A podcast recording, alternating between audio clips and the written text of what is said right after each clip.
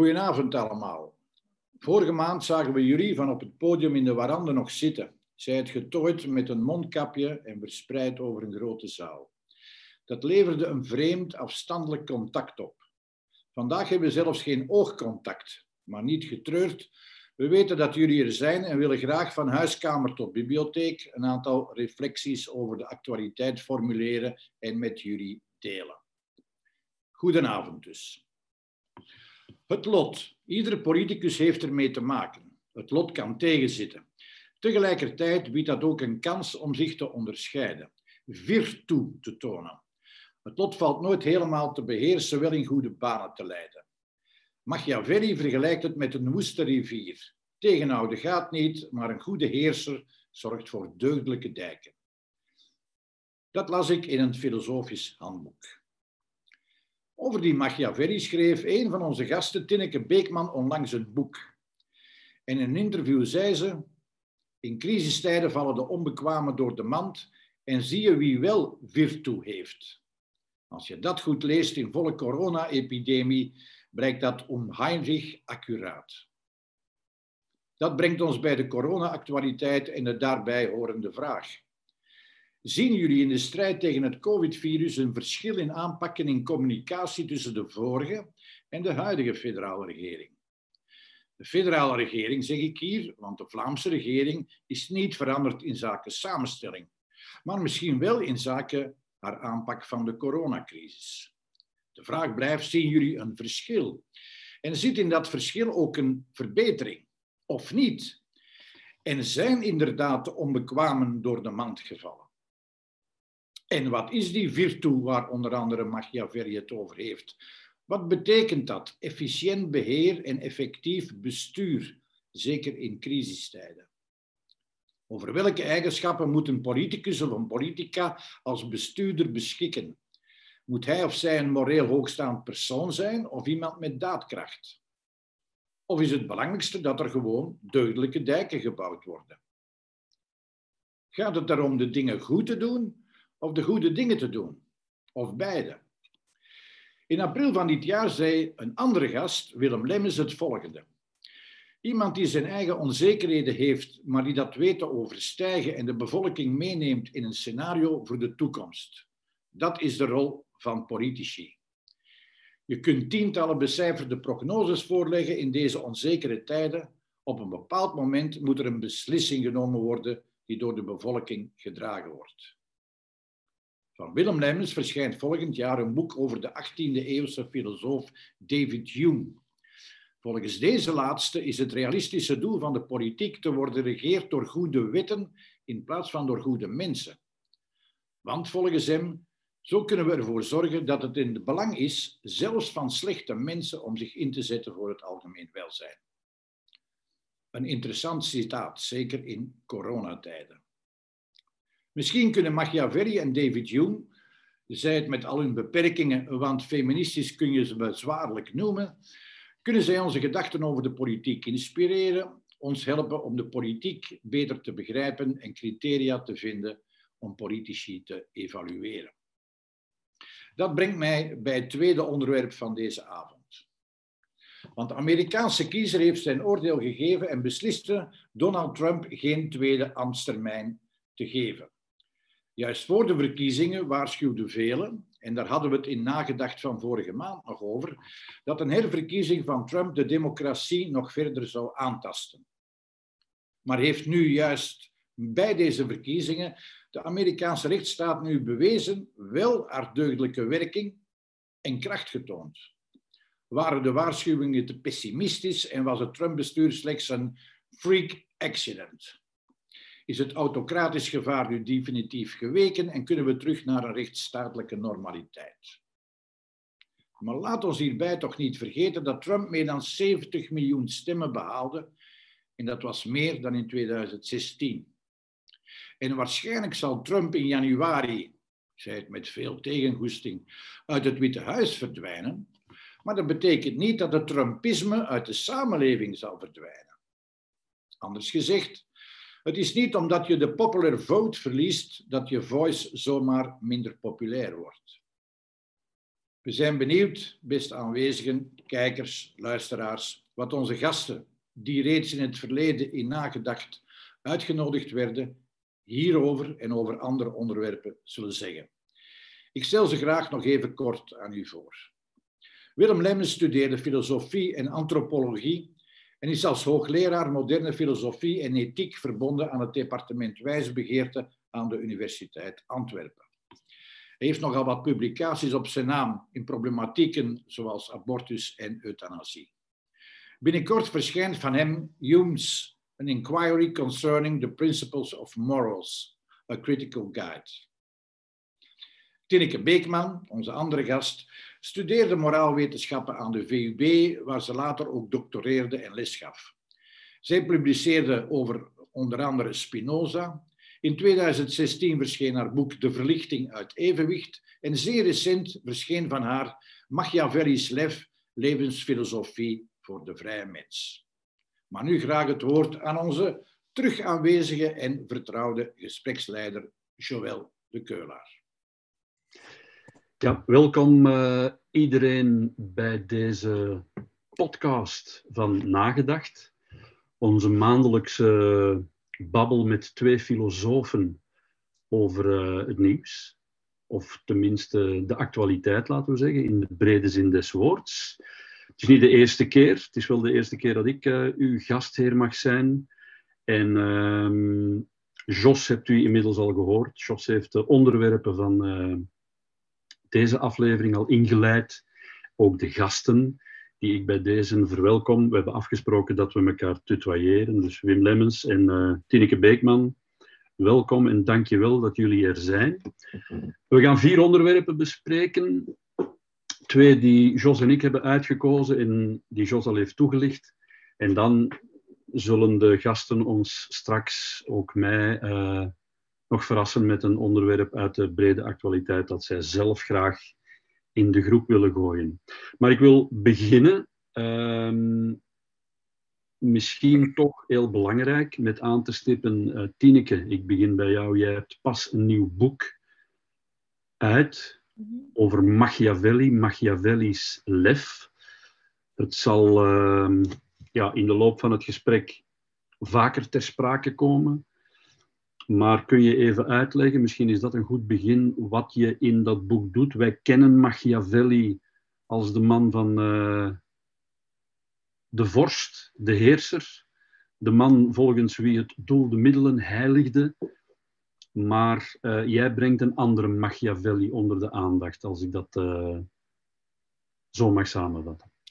Ja, dus er is een Machiavelli die commentatoren bespreken en dat is een heel andere denker dan de term Machiavellist zou doen vermoeden. En dat is eigenlijk al sinds de verlichting, uh, Spinoza, Diderot, Rousseau, die beschouwen Machiavelli als een denker voor het volk, als iemand die schrijft over de vrijheid, als iemand die uitlegt precies hoe macht werkt, als een soort les, een soort inzicht in hoe uh, machthebbers te werk gaan voor het volk.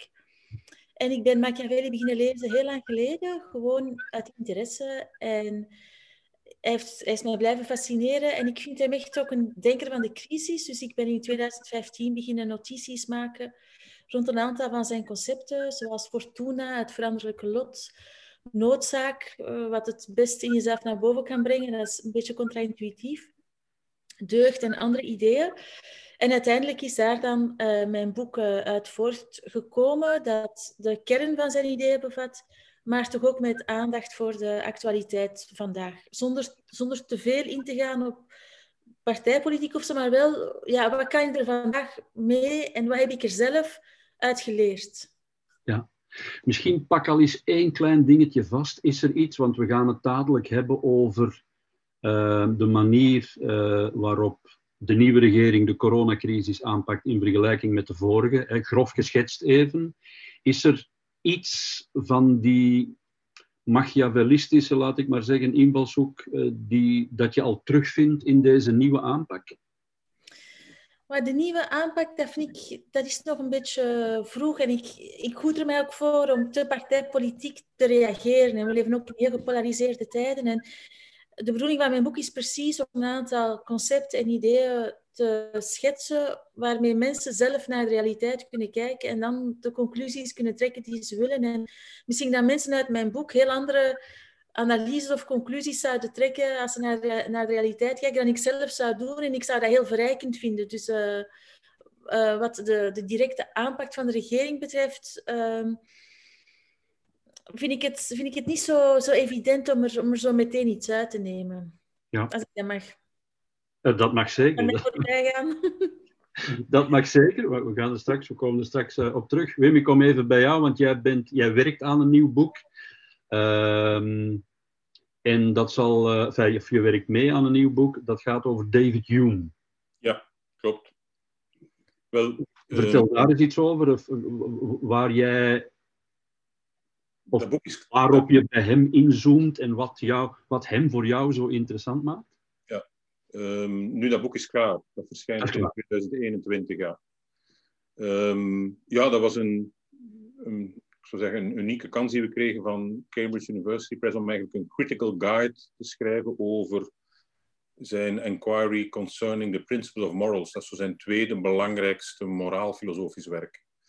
En mm -hmm. um, ja, ik heb samen met mijn collega Esther Kroeker een team gezocht van collega's die elk een deel van, van dat werk konden bespreken. En zelf zoom ik in op uh, een inleiding uiteraard, samen met Esther Kroeker. Maar mijn hoofdstuk gaat meer specifiek over zijn...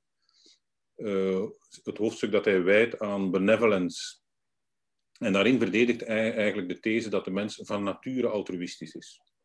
Dus tegen Thomas Hobbes in, tegen een aantal, uh, wat ze dan noemen, ja, de verdedigers van de self-love thesis. Hè, dat uiteindelijk alle menselijke motieven terug te brengen zijn op zelfliefde, zeg maar, egoïsme. Mm -hmm. Dat, die, Ehm, die deze verwerpt hij. Hij is de man van het Hij verwerpt die, hij zegt, kijk, er is zoiets in de menselijke natuur als een gratuite, belangeloze ehm, interesse in de ander en ook soms inzet. Nu, voor alle duidelijkheid, hij is daar niet te wollig over. Hè.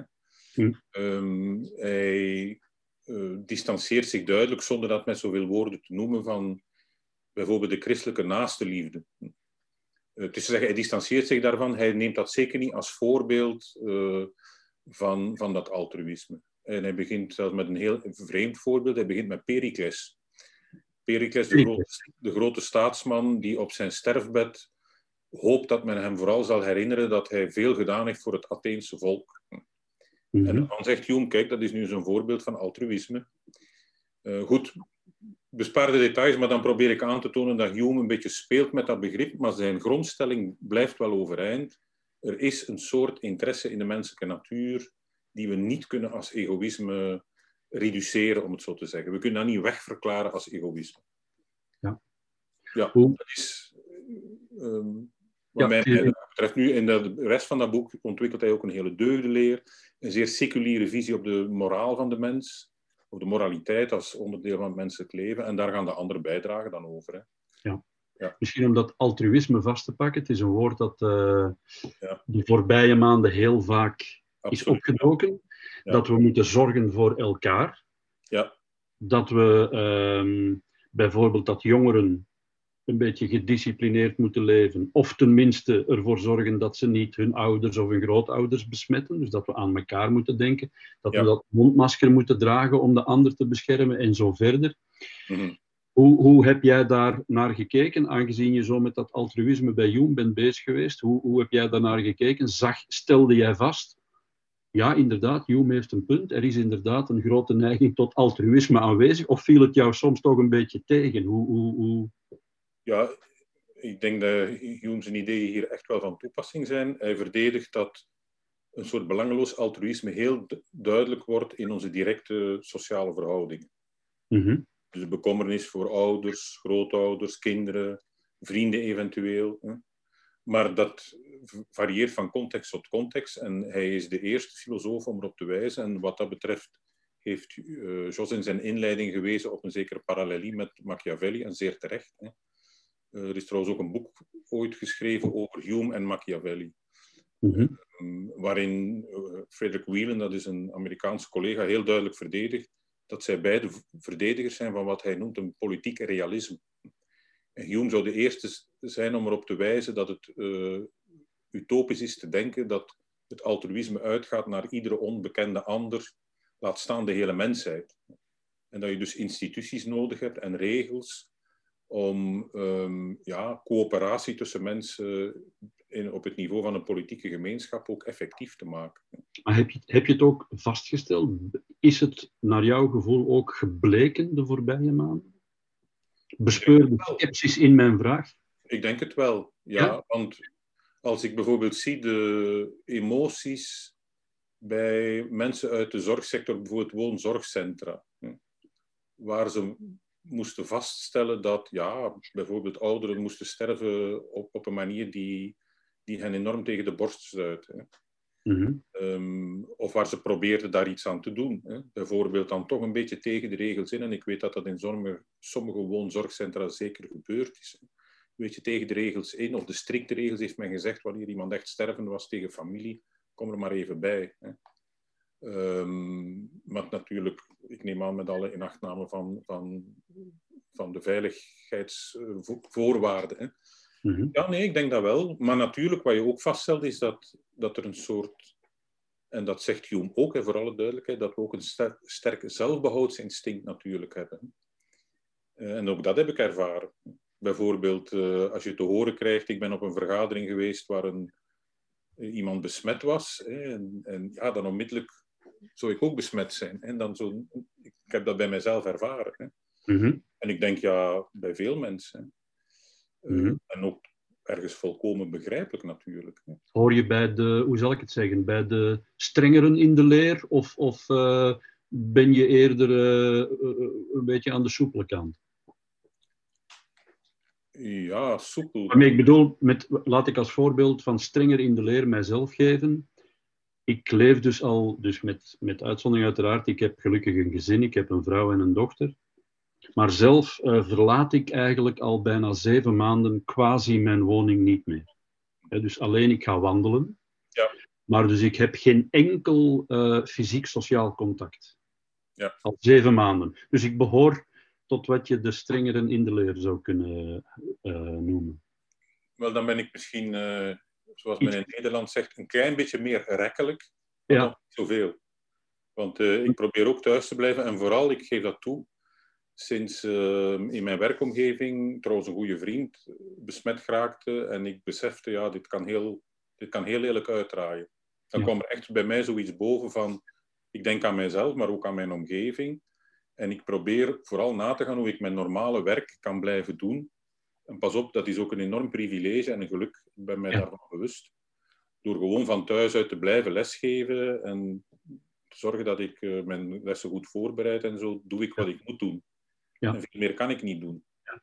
Tineke, ik kom even bij jou. Misschien om, om, om het gesprek te openen. Uh, hoe kijk jij zo met een brede gooi terug op de voorbije maanden in jouw eigen gedrag en opstelling tijdens deze crisis? Hoe is dat bij jou allemaal gegaan en verlopen en binnengekomen, zoals dat heet?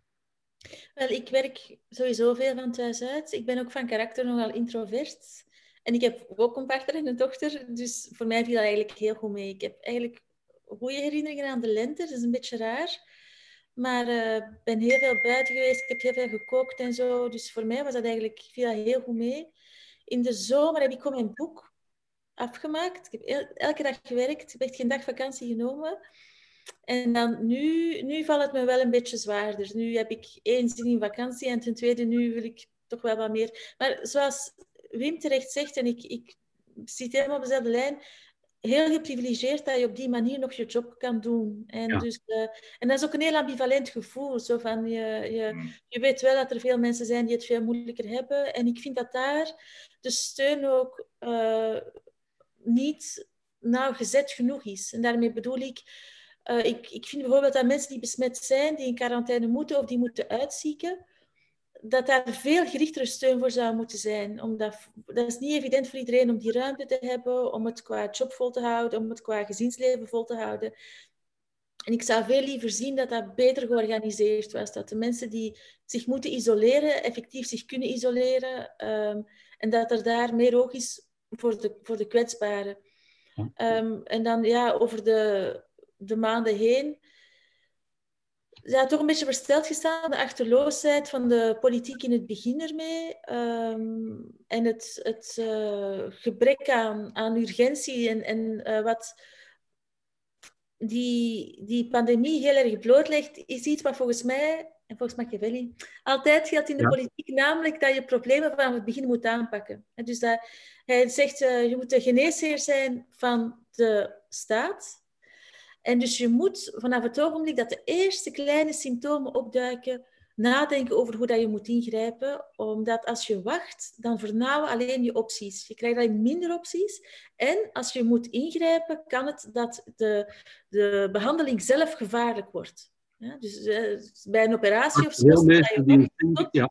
ja, dus, dus dan is eigenlijk wat je moet doen om het nog recht te trekken, is uh, gaat sowieso meer neveneffecten hebben. En um, dat denk ik, ik, ik dacht het is heel erg van toepassing op de politiek in het algemeen.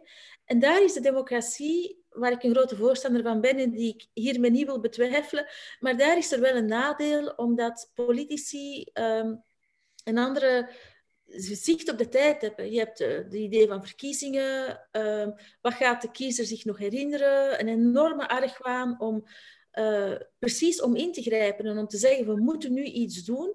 Maar eigenlijk is dat wat een leider zou moeten doen. Dat is de, anticipatie, het inzicht en de moed om dan ook effectief beslissingen te nemen. En ik vind dat dat, dat, dat toch wel een beetje dat leiderschap uh, ontbroken heeft. Ja, en dan zonder, zonder in de partijpolitiek te gaan. Want uh, dat staat ook los van partijpolitiek. Hè. De liberalen zitten nu en die zaten er toen ook in, uh, CD&V ook, bedoel, op zich. Maar um, merk, je daar, merk je dat er um, met meer urgentie wordt gehandeld nu dan in het begin? Ja, aan de ene kant wel, in de zin dat het probleem zodanig groot is dat het niet kan worden ontkend. Aan de andere kant um, en dat was ook wat ik vorige week gezegd heb in uh, uh, de afspraak. Hm. Doordat het al zo lang begint te duren. En dus in het begin had je van oké, okay, er is een lockdown, we moeten nu daar iets aan doen. Maar nu is dat toch al een aantal maanden. Er wordt ook gesproken over een mogelijke derde golf. En dan begint het zo zwaar te wegen, die eenzaamheid, uh, het, het, gebrekkige onderwijs, het feit dat heel veel ziekten niet, niet meer kunnen worden behandeld, de economie. Dus er zijn heel veel aspecten van, van uh, de samenleving die het echt heel moeilijk krijgen, zeker omdat het zo lang duurt.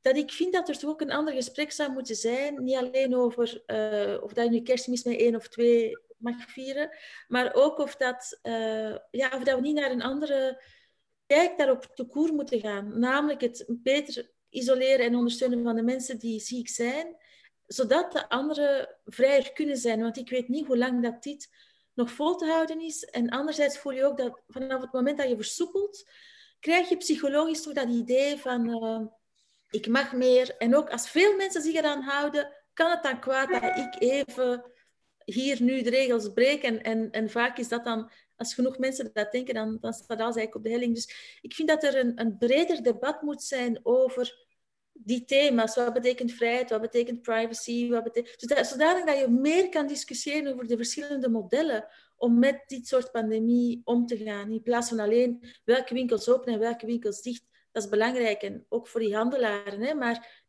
er is weinig discussie ten gronde, vind ik, over hoe gaan we allemaal tezamen om met dit soort crisis.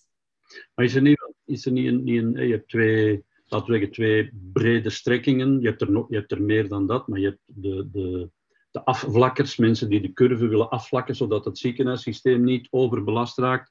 En je hebt de aanpak die in het Verre Oosten loont, en niet alleen in, uh, ja, uiteraard in China, maar daar is het gemakkelijk in een dictatuur, maar in Zuid-Korea, in uh, Vietnam, in uh, Australië, Nieuw-Zeeland, daar heeft men de curve gewoon platgeslagen. In de staat Victoria de staat Victoria wordt in een volledige lockdown gezet als er drie nieuwe besmettingen opduiken op een bevolking van bijna 7 miljoen. Daar, heeft men, daar, daar organiseert men ondertussen al voetbalwedstrijden met 50.000 toeschouwers in het stadion. Dus mijn vraag is eigenlijk, moeten we niet meer focus leggen op gewoon het uitroeien, maximale uitroeien van dat virus en dan zal vrijwel alles weer mogelijk worden.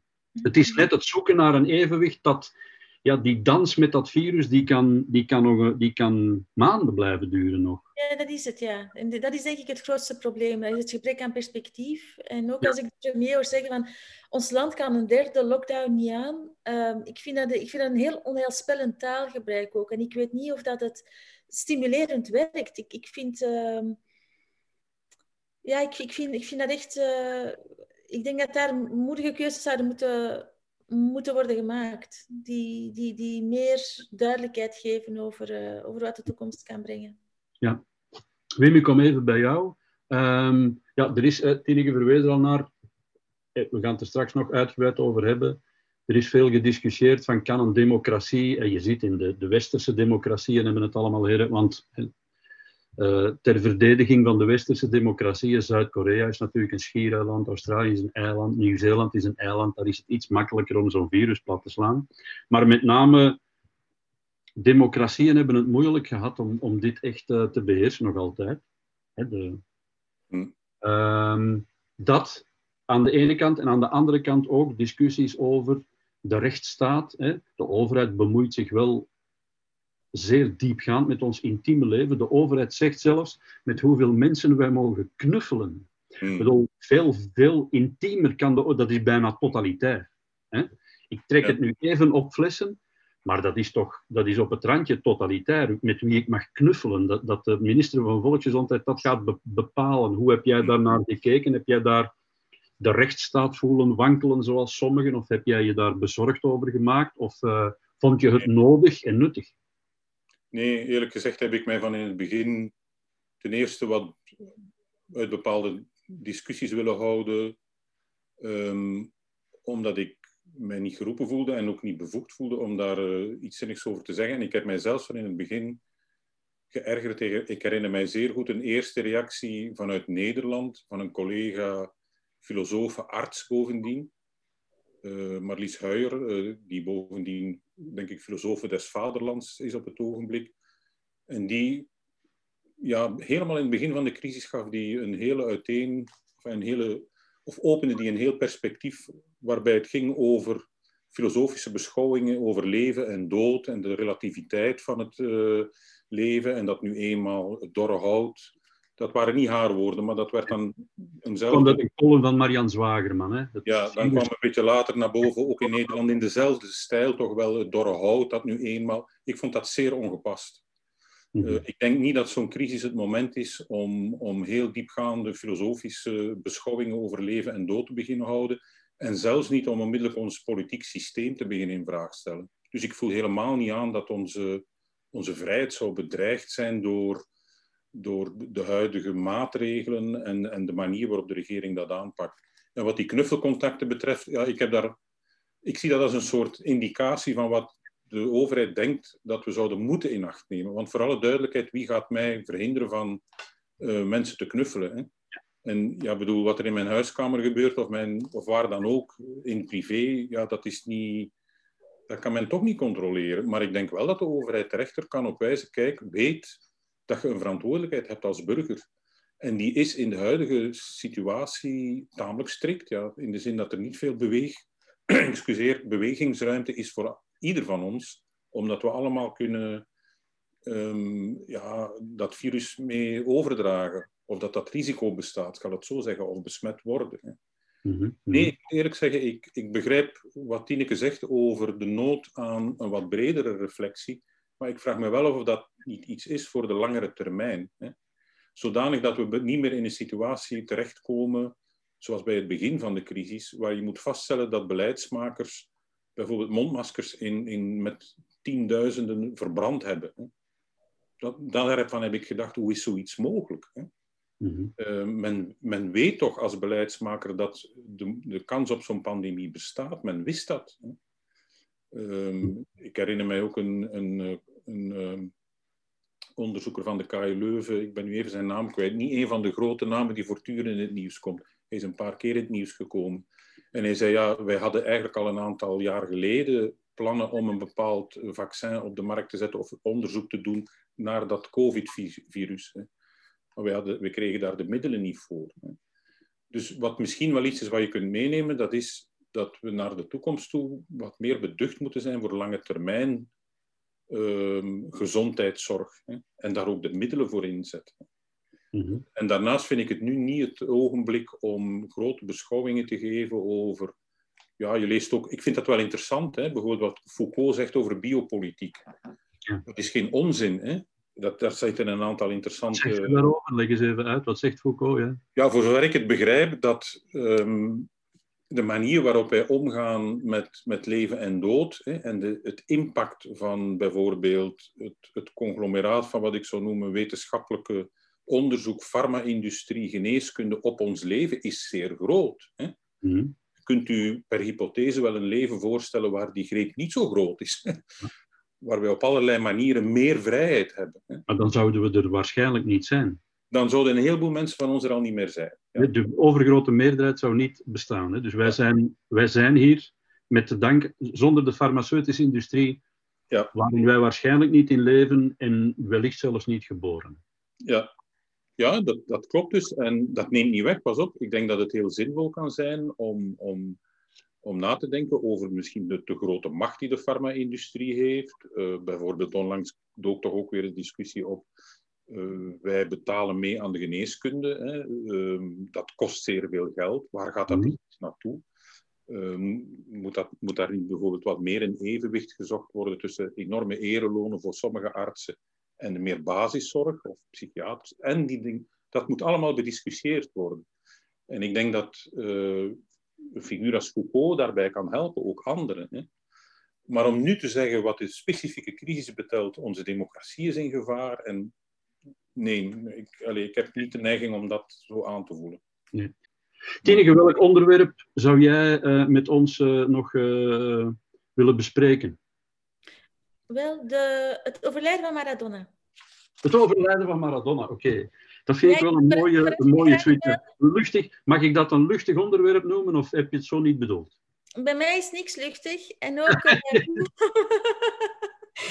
en, en alles is ook politiek. Dus ehm, ik eh, eerst... Enfin, ik was...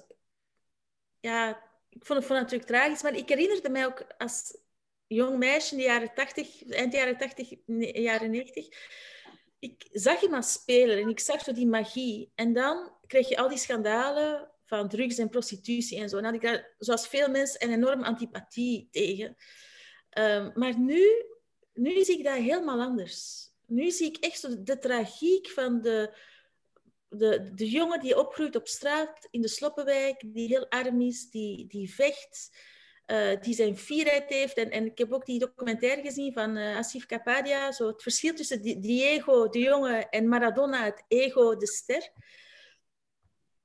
En nu ontroert me dat veel, veel meer. Eh, en vind ik het ook echt tragisch en heel veelzeggend over de samenleving. Over hoe zo iemand helemaal vermalen wordt. Eh, hoe dat hij als voetballer in, in Napels een, een rol moet beginnen spelen die hij helemaal niet kan spelen. Dat in zo'n corrupte, arme, ellendige stad wordt hij dan een soort messias, wat hij natuurlijk niet kan doen. En dan is de val des te harder en daar zit dan die, die, die, die, die Comorra zit daar dan tussen en die hebben hem helemaal in de greep, want hij wordt drugsverslaafd. En, ehm, en dan, dan, ja, dan, dan vind ik dat bijna een soort document van de tijd, het leven van, van Maradona en, en hoe dat we daarmee zijn omgegaan. Voilà. Want er wordt ook gezegd, ik, ik denk dat het een tweet was eh, van Guillaume van der Stichelen. Ehm, je mag een hopeloze kookverslaving hebben, je mag banden met de maffia hebben, je mag vrouwen mishandelen. Als je goed tegen een bal kunt trappen, is dat allemaal geen probleem, dan word je toch bewonderd. Wel, het zegt iets over de totale ideologische leegte. Dat iedereen naar dat voetbal kijkt en daar eh, zoekt naar mensen die een rol spelen. Die ze- Het is effectief geniaal, weliswaar geniaal, tegen een bal trappen, maar dat is het maar. Maar er zit natuurlijk ook die droom in van, je bent op straat, je ouders zijn straatarm, je hebt maar één ding, een bal. En door altijd te spelen, dat is, dat is heel hedendaags, denk ik. En word je dan uiteindelijk eh, de ster.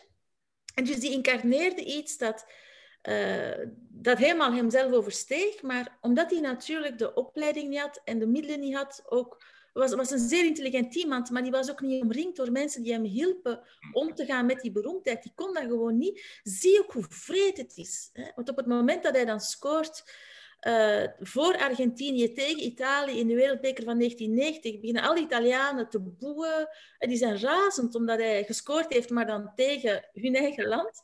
Hmm. En, en, meteen daarna begint de val. Krijg je allemaal processen, wordt hij echt uitgespuwd. Hij zelf is al helemaal uh, onder invloed van die cocaïne, dus hij, hij gaat daar helemaal aan ten onder. En dan zie je hoe hoe oneerlijk dat het eigenlijk ook wel is. Hè. Hoe, ze hadden ongelijk met hem zo'n god te maken, maar ze hadden eigenlijk ook ongelijk met er dan allemaal op te beginnen spuwen. Eigenlijk omdat hij moest hunzelf krikken. bijna de, de, de, de, het, het, het, het, het, is bijna Jezus Christus. Voilà. Hij moest zo hun zelfbeeld opkrikken en op het moment dat hij dat niet meer kon, beginnen ze hem allemaal uit te spuwen. En dan, ja, dan, ik kijk daar nu helemaal anders naar dan toen. En ik zou, ik zou daar nu ook niet meer zo, ik zou het niet meer zo veroordelen als ik het deed. Ook met al die schandalen en zo. Ik zie nu veel meer de mens die, die gewoon in een onmogelijke positie geplaatst is. En, en eigenlijk in de steek gelaten.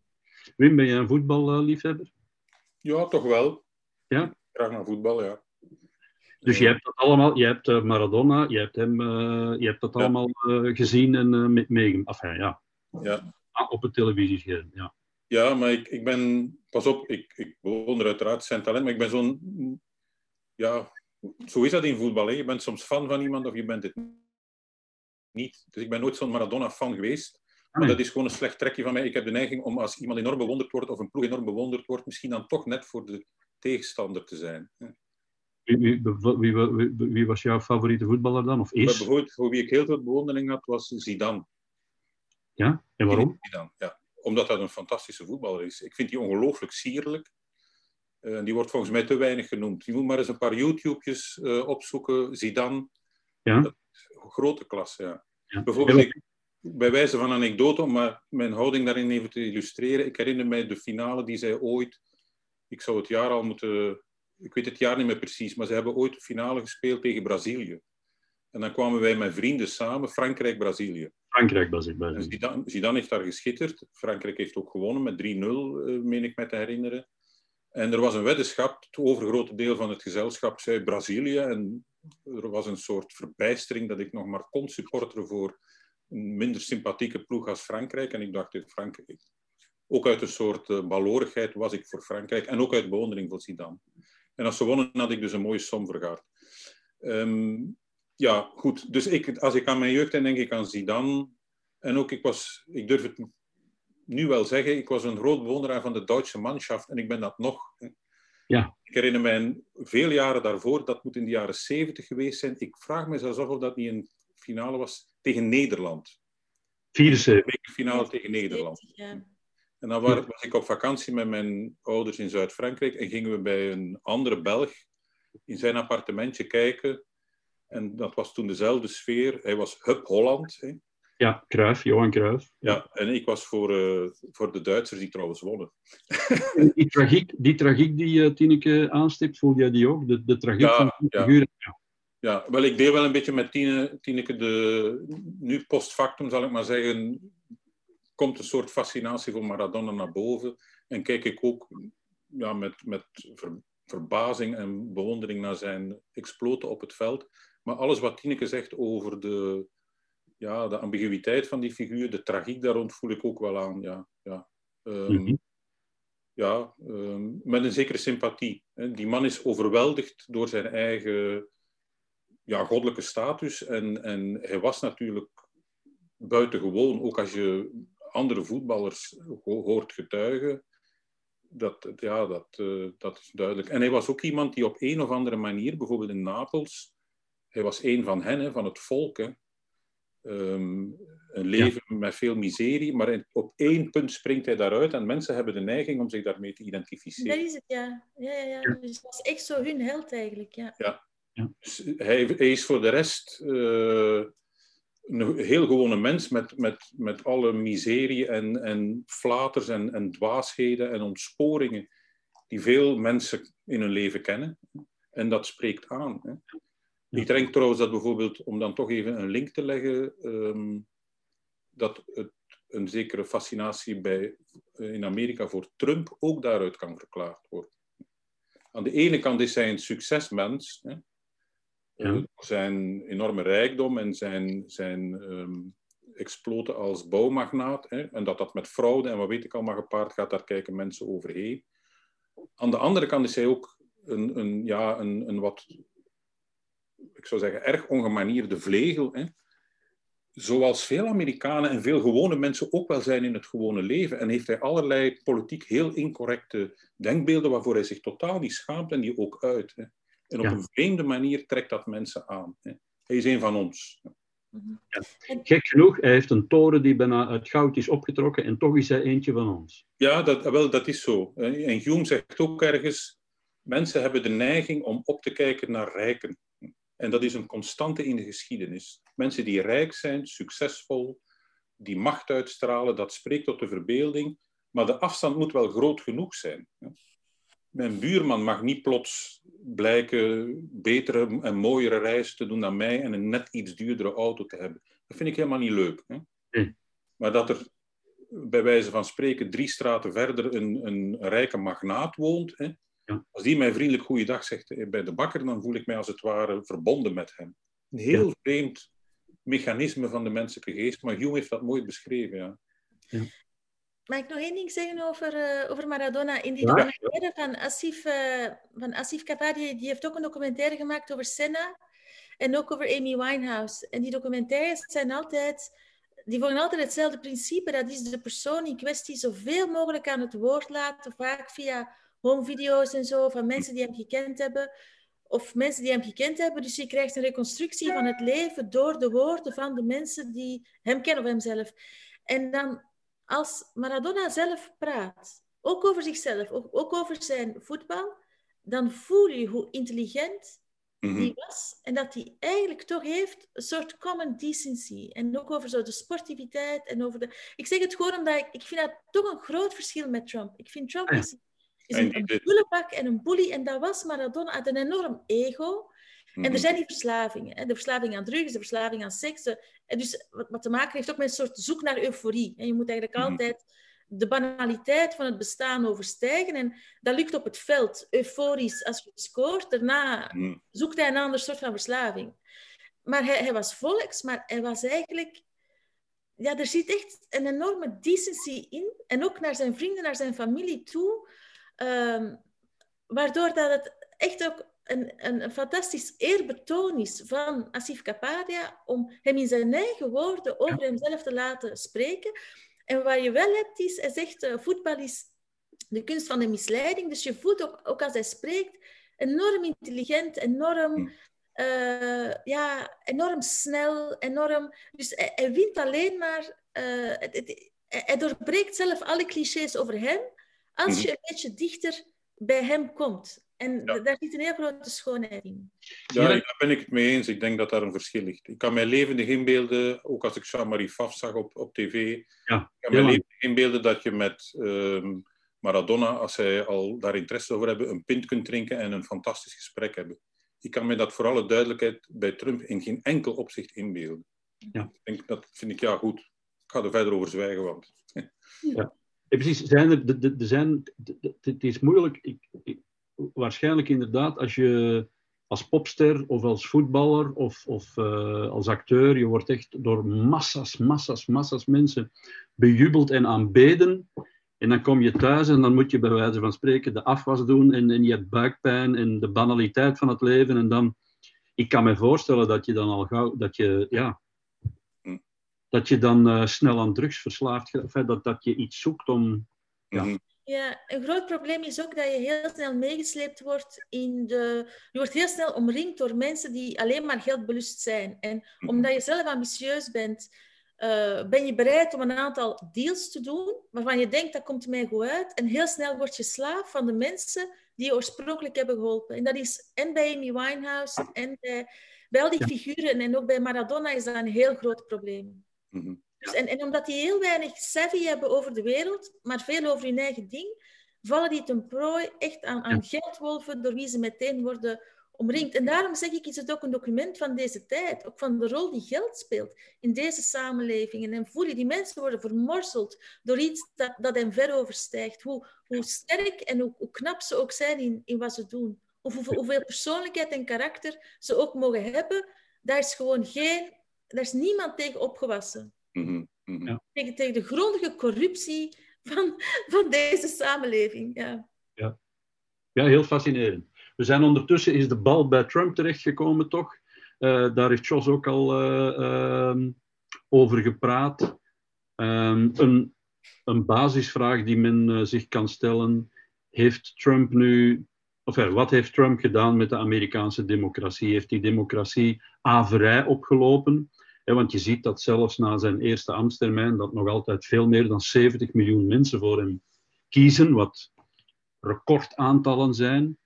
Eh, of integendeel heeft de Amerikaanse democratie net haar kracht en robuustheid getoond doordat ze zo'n figuur eh, in, in één ambtstermijn heeft uitgezweet, als het ware. Hoe, hoe kijk jij daar naar, Tineke? Ik denk dat Trump om te beginnen al een symptoom is. Iedereen staart zich, staarde zich een paar jaar geleden blind op hem, maar eigenlijk was hij een symptoom van de degoed die veel mensen hadden met het systeem in, in eh, Washington. Eh, ook met de, eh, het, het probleem van de enorme financiële invloed in de politiek enzovoort. En ik denk dat in dat opzicht is hij een geweldige wake-up call voor, die, voor het Amerikaanse systeem van zo kan het eigenlijk niet verder.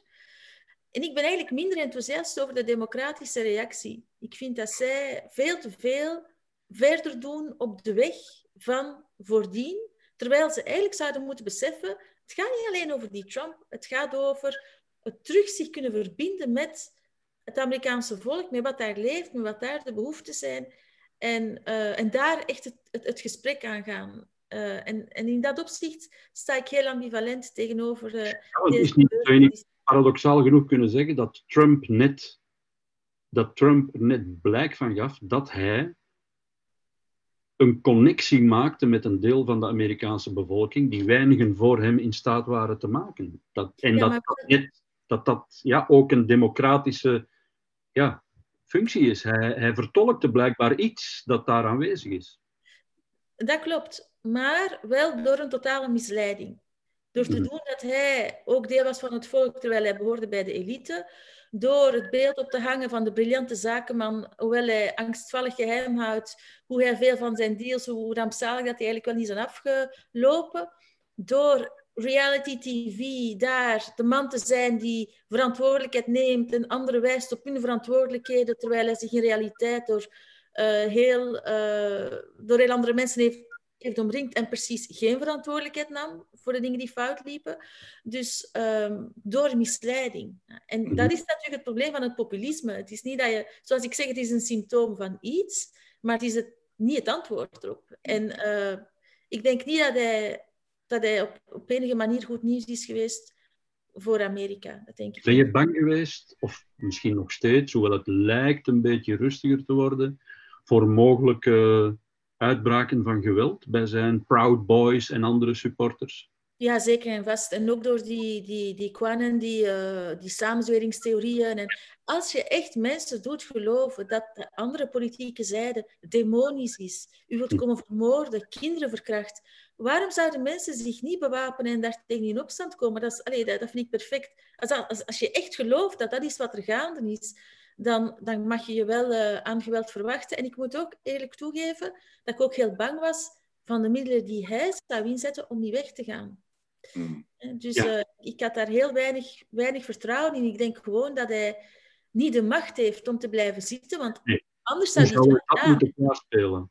Ja, ik denk, ik denk dat hij heeft geen enkel scrupules. Dus als hij zou gekund hebben, dan zou hij wel een soort staatsgreep gepleegd hebben. Maar ik denk dat hij gewoon de middelen niet heeft om het te doen. Als iets hem tegenhoudt, is het het feit dat hij de middelen niet heeft. Zo zie ik hem. Ik zie hem Is het, is dat in, de Amerikaanse, in, het, in het Amerikaanse systeem niet quasi onmogelijk? Nee, ik Hoe denk ga, je dat... dat, hoe ga je daar een staatsgreep centraal in, hoe ga je daar als president een staatsgreep plegen? De macht is toch Hij ook was, al bezig met het, hij was al bezig met het vervangen van mensen in het Pentagon en de FBI en zo. Dus ja, hoe, hoe pleeg je klassiek een staatsgreep? Dat is natuurlijk door het leger, door de militaire macht zelf uh, mee in handen te nemen. En ik denk, niet dat er, ik denk niet dat er een politiek systeem is dat voor altijd immuun is voor een soort staatsgreep. Ik denk, het heeft echt te maken met het aantal mensen die nog bereid zijn om de instellingen te beschermen. Dat is echt de vraag. Ja. Er is ook een bekend, geloof ik, een anekdote over de naturalisering van Kurt Gödel, de wiskundige, die samen met Einstein onderweg was en uh, naar zijn uh, afspraak met de rechter om dus de Amerikaanse nationaliteit te verkrijgen. En hij moest dan zijn allegiance to de, uh, aan de grondwet en zo. En Kurt Gödel, die een wiskundig genie was, had in de Amerikaanse grondwet een soort loophole ontdekt. En hij had ontdekt dat het eigenlijk dat die grondwet het toelaat om een dictatuur te vestigen. En hij was dat aan het uitleggen tegen Einstein. En Einstein zei, als je voor de rechter staat, ik zou, dat, ik zou daar toch maar over zwijgen. Ik denk ook dat hij erover gezwegen is, dat weet ik nu niet precies. Maar, uh... Wim, ben jij, hoe, uh... heb jij je hart vastgehouden of hou je het nog steeds vast voor um, die transition en de, de, de manier waarop Trump dus, ja, zich vastklampt aan, uh, aan, aan ja, aan, aan dat fraudeverhaal enzovoort? Of zie je hem op 20 januari braafjes naast zijn vrouw op de inauguratie van Joe Biden zitten? Of hij op de inauguratie zal zitten, dat is een interessante vraag, dat weet ik niet. Misschien zou dat wel zijn laatste daad van uh, opstand kunnen zijn. Maar eerlijk gezegd heb ik mij nog, nooit echt zorgen gemaakt dat hij een staatsgreep zou kunnen plegen of zo. Ik herinner mij um, nee, ja. Ik herinner mij wel in het begin van zijn ambtstermijn, toen hij verkozen was, ehm, had ik zo de idee, ja, dat een beetje zoals Sineke zegt, hij heeft iets aangesproken bij de, een deel van de Amerikaanse bevolking en uiteindelijk op dat ogenblik een meerderheid van de kiezers, dat duidelijk leeft. Hè. Wel bij de, bij de kiesman, hè, want de popular vote heeft hij nooit gehaald. Nee, maar goed, in elk geval door het Amerikaanse systeem hadden dan toch de meerderheid binnen dat systeem dat hij op legitieme wijze president is geworden. En dat betekent op zich wel iets.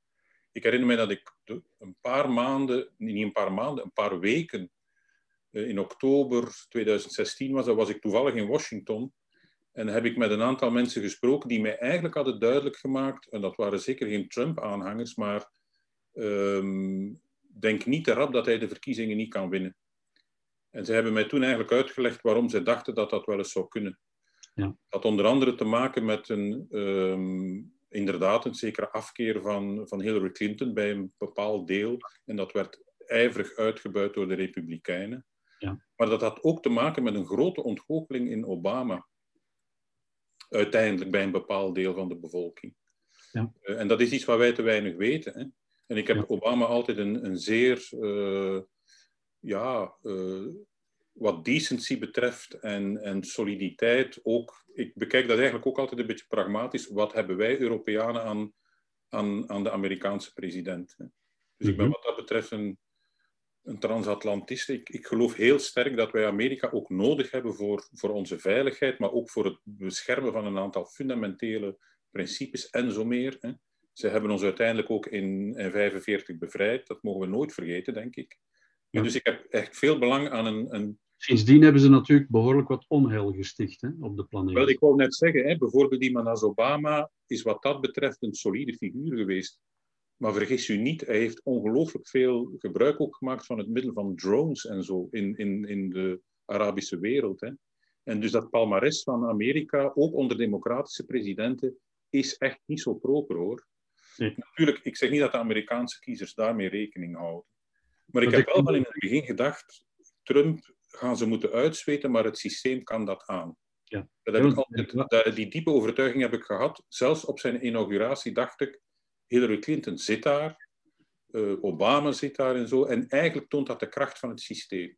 Ja, dat is het mooie. Hè? Ja, zij, zij moeten op hun tanden bijten, dat kan niet anders. Hè? En ik moet wel zeggen dat we ook er nog aan toevoegen. Ik ben uh, de voorbije vier jaar wel van de ene verbazing in de andere gevallen uh, over de figuur van Trump. Hoe erg het eigenlijk is. Ja. Wat een, ja, wat een, wat een, ja, enfin, ik heb daar geen goed woord voor over. Ik, en ik denk dat Amerika en de wereld in zekere zin aan een groot onheil is ontsnapt. Niet zozeer dat Trump aan de knop zit of zo, maar het, het, het niveau van, van ehm, berichtgeving, van naar buiten treden als, als wereldleider en het effect dat dat heeft op een soort collectieve, ja, Mhm. ehm, in de media en zo, ik vond dat verschrikkelijk. En ik ben eerlijk gezegd ook wat ver- verbaasd geweest en ik, ik, dat verontrustte mij. Enfin, u weet ook, ik word soms geassocieerd met bepaalde conservatieve stellingen. Mhm. En dan waren er mensen die mij wel eens, niet veel, maar toch een aantal mails heb ik gekregen. Ja, je bent blijkbaar zo kritisch voor Trump. Hè? Weet je wel dat hij daar ook toch voor is en aan die kant staat? En dan denk ik, ja, het interesseert mij niet. Ook als je een, een decent conservative bent, dan kun je onmogelijk voor iemand als Trump zijn. Daar ben ik echt van overtuigd. Die doet, als er al zoiets zou bestaan als een conservatieve zaak die moet verdedigd worden, dan doen mensen als Trump dat op allerlei manieren heel veel geweld aan. Ja. Is dat een zeer slechte zaak? Tot slot, eh, om het hoofdstukje Trump eh, af te sluiten, dat George W. Bush hè, wordt nu in de pers zo opgevoerd van, och, die goede oude George W. Bush, dat was nog eens een goede republikein, alsof het een soort onschuldige, argeloze, enthousiaste Giro-leider was. Terwijl hij de man is die ons IS heeft geschonken en die het Midden-Oosten in brand heeft gestoken op basis van een leugen die mag gelden als een oorlogsmisdaad. Mm. Trump was dan tenminste een non-interventionist. Die heeft nergens eh, bij ons weten toch iets in brand gestoken. Wat, hem, wat zijn. eh, ik weet niet, hoe, hoe, hoe kijk je daarnaar? Ja, nee, ik ben het daarmee eens. Dat klopt. Je kunt niet anders vaststellen dan dat Trump een bepaalde politiek heeft gevoerd, waardoor Amerika zich niet meer aan zo'n avonturen heeft gewaagd. Dat is waar. En, en als je het puur politiek bekijkt, Ja. is dat een pluspunt van zijn mandaat. Hè?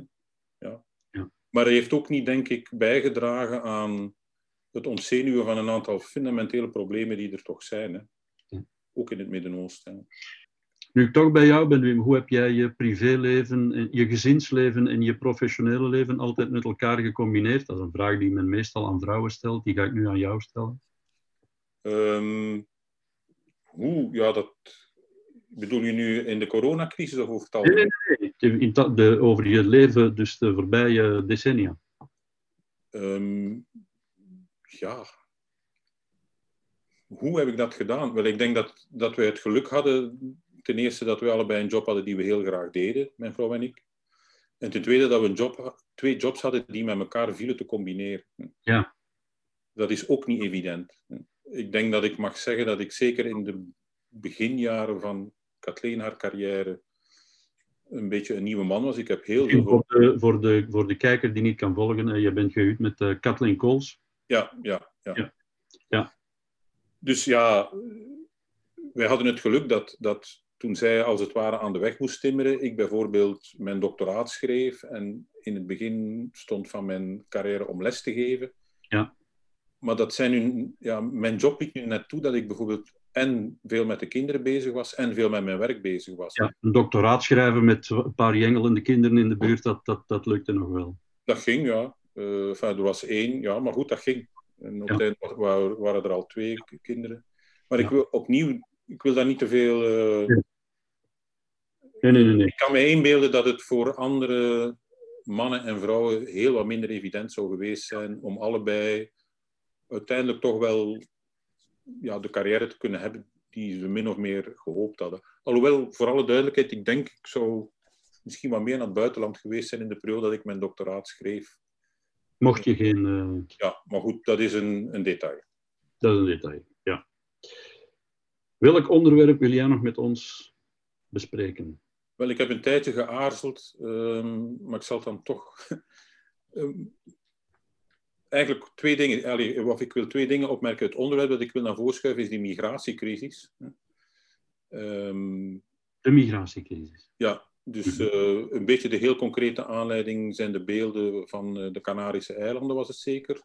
Mhm. Ehm, ja, en, en, maar dat is natuurlijk maar één episode, nu weer, in, een, in, een, in een lang verhaal van de voorbije jaren. Daarvoor was het een aantal weken geleden het kamp Moria en, en ga zo maar door. Ehm, wat ik daar gewoon van wil onder de aandacht brengen, is de enorme polarisering die rond dat onderwerp bestaat. Ehm, het, het lijkt, ja, ten eerste is het een zeer moeilijk probleem. Ehm, maar ik stel vast als je daar probeert iets over te zeggen. Ik heb nu onlangs een, een opiniestuk nog dit weekend voor doorbraak geschreven. En de reacties die daarop komen, die, die verbijsteren mij werkelijk enorm. Wat was je punt en wat zijn de? Mijn punt is dat ik, ik eigenlijk verdedig ik de gedachte dat een, een, een open grenzenbeleid, dat dat inderdaad totaal eh, niet kan en ook niet wenselijk is. Ik geloof nogal sterk in die idee dat mensen ergens moeten uh, verworteld geraken in een leven en zich ergens kunnen vestigen en leven en in een gemeenschap leven die, die een zekere stabiliteit heeft. En dat de migratie daarvoor een, een bedreiging vormt, maar u moet het noemen zoals het is, dat, dat klopt. Of dat kan een bedreiging daarvoor zijn. Dus dat was mijn pleidooi, maar tegelijkertijd mijn oproep om, om, ja, om dat niet met een xenofobe bril te bekijken, nog voortdurend alleen maar te schermen met mensenrechten. En tot mijn verbazing moet ik wel zeggen dat dat vooral bij mensen die, ehm, ja, ik vind gewoon xenofobe ideeën erop nahouden, hè, dat dat als een rode lap op een stier werkt. Hè. Je kunt eigenlijk niet vragen om, om op, een, op een soort redelijke manier na te denken over, over dat probleem. En eigenlijk was mijn pleidooi dus voor het belang van gemeenschap, voor respect daarvoor, voor respect ook voor uh, mensen in Europa die zeggen, ja, maar wij kunnen toch niet zomaar het, het, het alle onheil van de wereld op ons laden of, of onze grenzen openzetten. Ik denk dat dat een reëel ja, een probleem is als dat zou gebeuren. En dat gebeurt ook niet, effectief niet. Maar het was ook een beetje een oproep om, of een vraag of de politiek daar niet, niet um, ja, schromelijk tekort schiet op dit ogenblik. Maar goed, enfin, ik stel vast dat dat onmiddellijk tot polarisering leidt en dat wij eraan denken dat er zo wel meer debatten zijn. Hè. Want daar had ik eerst aan gedacht, maar dat, daar heb ik al, ben ik al zo dikwijls mee bezig geweest. Je ziet diezelfde polariteit, denk ik, in het eh, debat rond euthanasie en abortus. Uh, daar is blijkbaar geen dialoog mogelijk op een, op een volwassen manier, hè, die eigenlijk oog heeft voor de bekommernissen van, van, van, laten we het maar zeggen, beide polen van die problematiek. Mhm. En ja, ik wil gewoon even onder de aandacht brengen dat mij dat zorgen baart. Hè. Ja, ja. Er zijn, ja.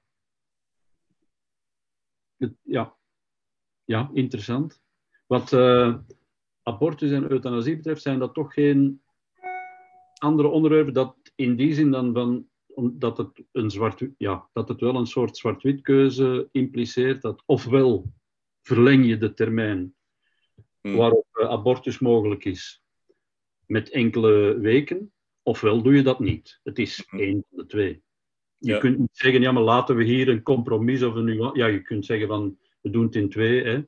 We hmm. verlengen het niet met vier weken, maar met twee weken of zo. Maar je moet wel, ja... Zijn het, zijn het geen andere polariteiten? Ja, uiteraard. Wat euthanasie betreft ook ofwel stel je mij in de mogelijkheid om, wanneer ik mijn leven als voltooid beschouw, Lutgard Simons gewijs, hmm. om er een einde aan te maken, ofwel zeg je van nee, dat zal niet mogen. Het is toch daar toch één van de twee. Terwijl het migratiedebat veel meer schakeringen en nuances en, en, uh, en uh, pragmatische tussenoplossingen en, en mogelijkheden biedt. Dat is absoluut waar, maar wat ik gewoon onder de aandacht wil brengen, en in die zin wist ik niet goed wat ik eigenlijk wou, of welk van beide problematieken. Um, ah, ja, los, van, los, van, de vraag wat is nu de knoop die politiek gesproken zal moeten doorgehakt worden in, in, in beide dossiers. Hè, de meer biomedische dossiers versus dan een complexe problematiek als migratie. Je hebt mhm. absoluut gelijk, het zijn verschillende problemen. Maar wat mhm. mij wel opvalt, is dat als je daarbij betrokken geraakt of iets wil over zeggen als filosoof, een beetje meer van op afstand, dan denk ik dat wij toch uh, soms dingen proberen aan te brengen die uitnodigen om, om op een meer genuanceerde manier over die problematieken na te denken. En dan zie ik wel een parallelie. Dan zie ik een soort onvermogen en onwil om de nuance werkelijk uh, te zoeken en, en open te staan voor bepaalde bedenkingen. Mm ik denk bijvoorbeeld dat rond het abortusdebat kun je niet zeggen dat dat gewoon een kwestie is van ofwel respecteer je de rechten van de vrouw, ofwel respecteer je ze niet. Ik denk dat daar iets meer fundamenteel aan de orde is. En mij, zonder daar nu te willen op ingaan eerlijk gezegd, maar wat mij ontgoochelt, is het mm. onvermogen om daar een, op een genuanceerde manier over te spreken. Tineke, heb je, deel jij dat gevoel? Maar het is in elk geval wel zo dat als je erover schrijft, dat je heel, heel felle reacties krijgt en dat het heel moeilijk is om erover te schrijven zonder in een bepaalde hoek geduwd te worden waar dat je niet snel niet meer uitkomt en dat dat niet aanmoedigend is. Um, ja. Ik ben nooit eens gevraagd door een blad voor een interview over uh, migratie een paar jaar geleden. Ik heb gewoon gezegd nee. Eén, omdat ik geen specialist ben, dus vrij fundamenteel. Dus dat je eerst begint met, heb ik daar iets over te zeggen of niet? En dan zou ik mij al moeten inwerken, maar er zijn andere mensen veel competenter uh, vanuit hun expertise, vanuit hun ervaringen, vanuit... Dus dat was al de belangrijkste reden om, nee te zeggen. Maar meteen gevolgd op, uh, ja, dat geeft, genereert heel veel aandacht. En, en er is natuurlijk ook een ander aspect, dat is dat aandacht op zich is een heel kostbaar iets geworden voor sommige mensen. Mm. zowel voor politici als voor influencers, als, als, voor mensen die graag in de media komen. En daar werkt het net het omgekeerde als, als de reactie van Wim. Hè, in plaats van, je krijgt hier eh, heel veel aandacht, want het is heel emotioneel, ongenuanceerd, mm. zwart-wit, voluit. Hè. Ehm, is dat precies iets waardoor dat mensen die graag aandacht willen, zich ook fel uitspreken over die thema's. En dat maakt het dan precies weer lastiger voor de anderen. Maar ik besef wel hoe langer hoe meer dat aandacht op zich, en dat is ook, ook door die samenzweringstheorieën en zo, dan, hoe komt dat, die, dat je niet alleen samenzweringstheorieën krijgt die zich snel verspreiden, maar de aller, allergekste, hè, uh, of, of, de aller, allerradicaalste of, of, of gemeenste, met kindermisbruik enzovoort, heeft met aandacht te maken.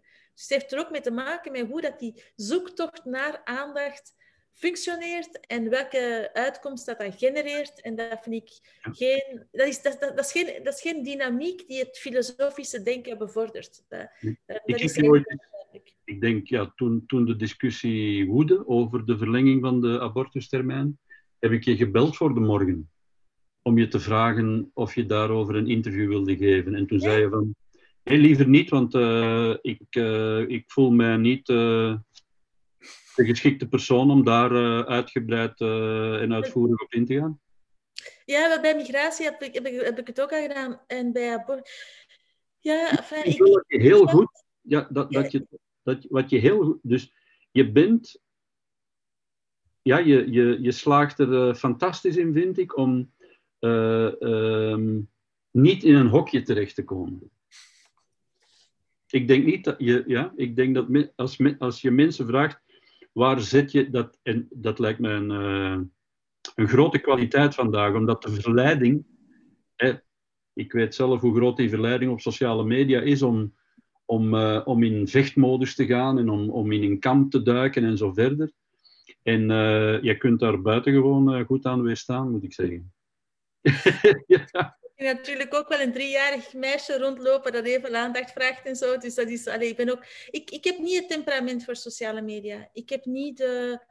Ik heb niet... Ik, ik werk als zelfstandige en een van de dingen die ik... Ik wil vrij zijn. En vrij zijn voor mij betekent vrij omgaan met de tijd zoals ik wil.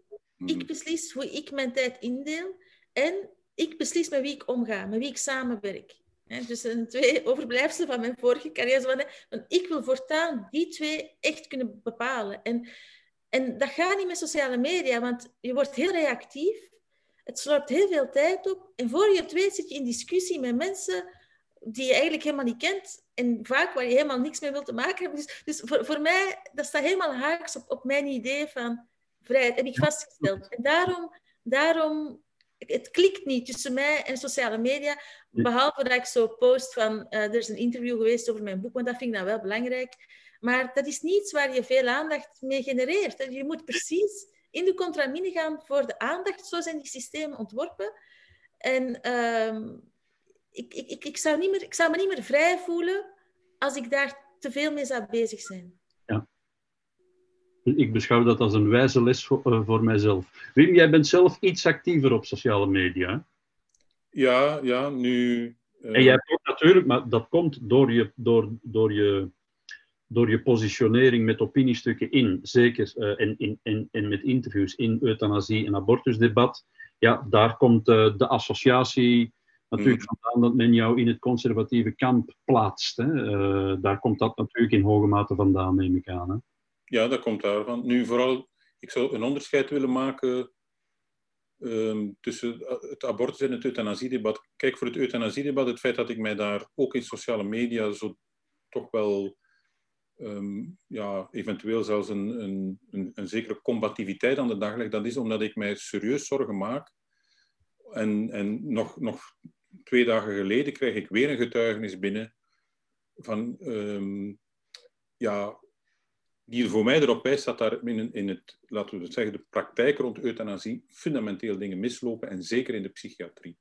Ik wil het daar verder niet over hebben. En dat verkaart hm. een beetje waarom ik, ja, wellicht in de sociale media, en dan komt natuurlijk wel van het een het ander, maar ik moet eerlijk zeggen, het zal je nog niet opgevallen zijn, maar ik heb mijn, uh, voor het weekend heb ik mijn uh, Twitter-account gedeactiveerd, want ik was het eigenlijk beu. Oké, ja, maar dat snap ik, ja. Helemaal om wat Tineke net zegt, hè, de mensen met wie je graag in contact uh, verder zou komen rond een bepaald thema, ja, die zal ik wel weten te vinden. En die reageren hoogstens welwillend, en dat is altijd prettig natuurlijk op Twitter. Maar de mensen met wie je helemaal geen discussie wil, en dan heeft het natuurlijk ook te maken, dat lok je soms zelf uit met een of andere stekelige opmerking of een bepaalde uh, ironisch bedoelde op, opmerking waarvan dan mijn vrouw zegt, ja, dat komt toch wel nogal scherp over waarschijnlijk bij de persoon die nu geviseerd is. En ja, dan dacht ik, ja, waar ben ik eigenlijk mee bezig? Dus ik heb het gedeactiveerd en ik weet niet hoe lang je dat zo zal houden, maar ik voel mij al... Uh, ik begin al ontwenningsverschijnselen te vertonen die zeer aangenaam zijn. Dus... Desactiveren, je, je moet, uh, dus weet wel, dus desactiveren, je hebt maar een beperkte tijd om opnieuw te activeren ja. zodat je je volgers bewaart. Want Jean Blaute, de, de, onze ja. bekende Jean, Jean de bekende muzikant en producer, heeft zijn account vijf maanden geleden gedesactiveerd en pas vijf maanden later dus opnieuw geactiveerd. En hij moet weer van vooraf aan beginnen. Hij begint met nul volgers, dus hij is er 30.000 kwijt. Maar goed, misschien is, misschien is dat ook wel een, een, reinigend om dat te, te doen, ik weet het niet ik lig er nu helemaal niet van wakker en ja, we zullen wel zien. Maar ik snap ook, eigenlijk wat Tineke zegt, daar ben ik ook mee eens. Het is natuurlijk een medium waar je soms iets onder de aandacht kunt brengen. Ja. Ik ben daarmee bezig geweest. Of, of uh, je kunt ook gewoon vaststellen wat er gaande is en soms wat, wat er leeft. En dat is niet onbelangrijk, uiteraard. Ja. Ja. ja. Maar, ja. Mezelf wat te beschermen. Uh, ik herinner me dat ik ooit, maar dat is heel lang geleden, kortstondig aan een computerspelletje verslaafd ben geweest. Ja. En het voelde een beetje hetzelfde aan dat ik dacht, maar fijn, hoe zijn die mogelijk? Was het? Dat, met die uh, ballet, met die... Ja, ik weet, niet, ik weet niet hoe die heet. Ik weet het al zelf al niet meer. Ik weet het al zelf al niet meer wat het was. Maar het was een... een ja, fijn, nee. En dus ik ben daarmee gestopt. en ah, ja. van de ene dag op de andere. En, en ik voelde me daar vrij snel veel beter bij. Ik ben ook zo ooit gestopt met roken. Van de ene dag op de andere. Ja. Tineke, uh, ben je ooit verslaafd geweest aan een computerspelletje? Ja, uh, toen, toen ik de allereerste computer had. Ik denk dat ik toen ah. 15 of 16 jaar en dat was iets met. Pac-Man? Nee. Nee, het was, het was zoiets met Wolf, Wolf, Wolf Hall of zoiets. Het was zoiets, je moest. Ja, je moest ergens iemand gaan bevrijden en dan, dan waren er allemaal deuren. En dat was eigenlijk wel heel, dat was eigenlijk wel heel plezant. Maar ik ben, het was ook wel deprimerend. En je, je zit dan de hele tijd voor dat scherm en je ziet geen zonlicht meer. En, en dan op een bepaald moment dacht ik echt van nee, dat is echt... Uh, ik kan beter met mijn hond, ik had toen echt een hond, ik kan er beter mee gaan spelen in plaats van op zo'n computerspelletje proberen van een, een, boze hond te vermijden of zo. Ja, dat heeft eigenlijk niet veel zin. Nu, voor alle duidelijkheid, ik ben nooit echt verslaafd geweest aan Twitter. Zo voel ik dat niet aan. Verslaving is een, is een woord. Hè? Nee, maar ik was er wat te veel mee bezig en er kruipt te veel tijd in en, enzovoort. Ja verslaving is een woord dat wellicht soms lichtzinnig wordt gebruikt. Maar als je ergens aan verslaafd is, betekent het dat het je hele leven ten gronde richt. Dat je nergens anders meer aan toe komt. En, uh, anders, ja. Dat was bij jou. maar je, je, speelde iets, je, speelde het iets te vaak, laten we het zo zeggen. Ja, je stikt er uiteindelijk tijd in. Hè? Ja. ja, is... ja. Mag ik jullie allebei ongelooflijk danken voor dit uh, fijne en boeiende gesprek. Ik hoop dat de mensen thuis, zal ik maar zeggen, er ook iets aan gehad hebben. Ik vond het uh, buitengewoon boeiend. Ik ben jullie zeer uh, dankbaar. En uh, ja, hopelijk uh, de volgende keer gevaccineerd en wel ja. in een van de zalen van de Warande Eh, waar we elkaar mogelijkerwijze zelfs na afloop op zedige wijze kunnen knuffelen, laten we daar naar uitkijken. Voilà, dat is een, een hoopvol perspectief, ja. Oké. Heel erg bedankt ook aan jou, Joël. Ja, Ja. Joël, bedankt. Bedankt iedereen. Dank jullie wel. Dag. Dag.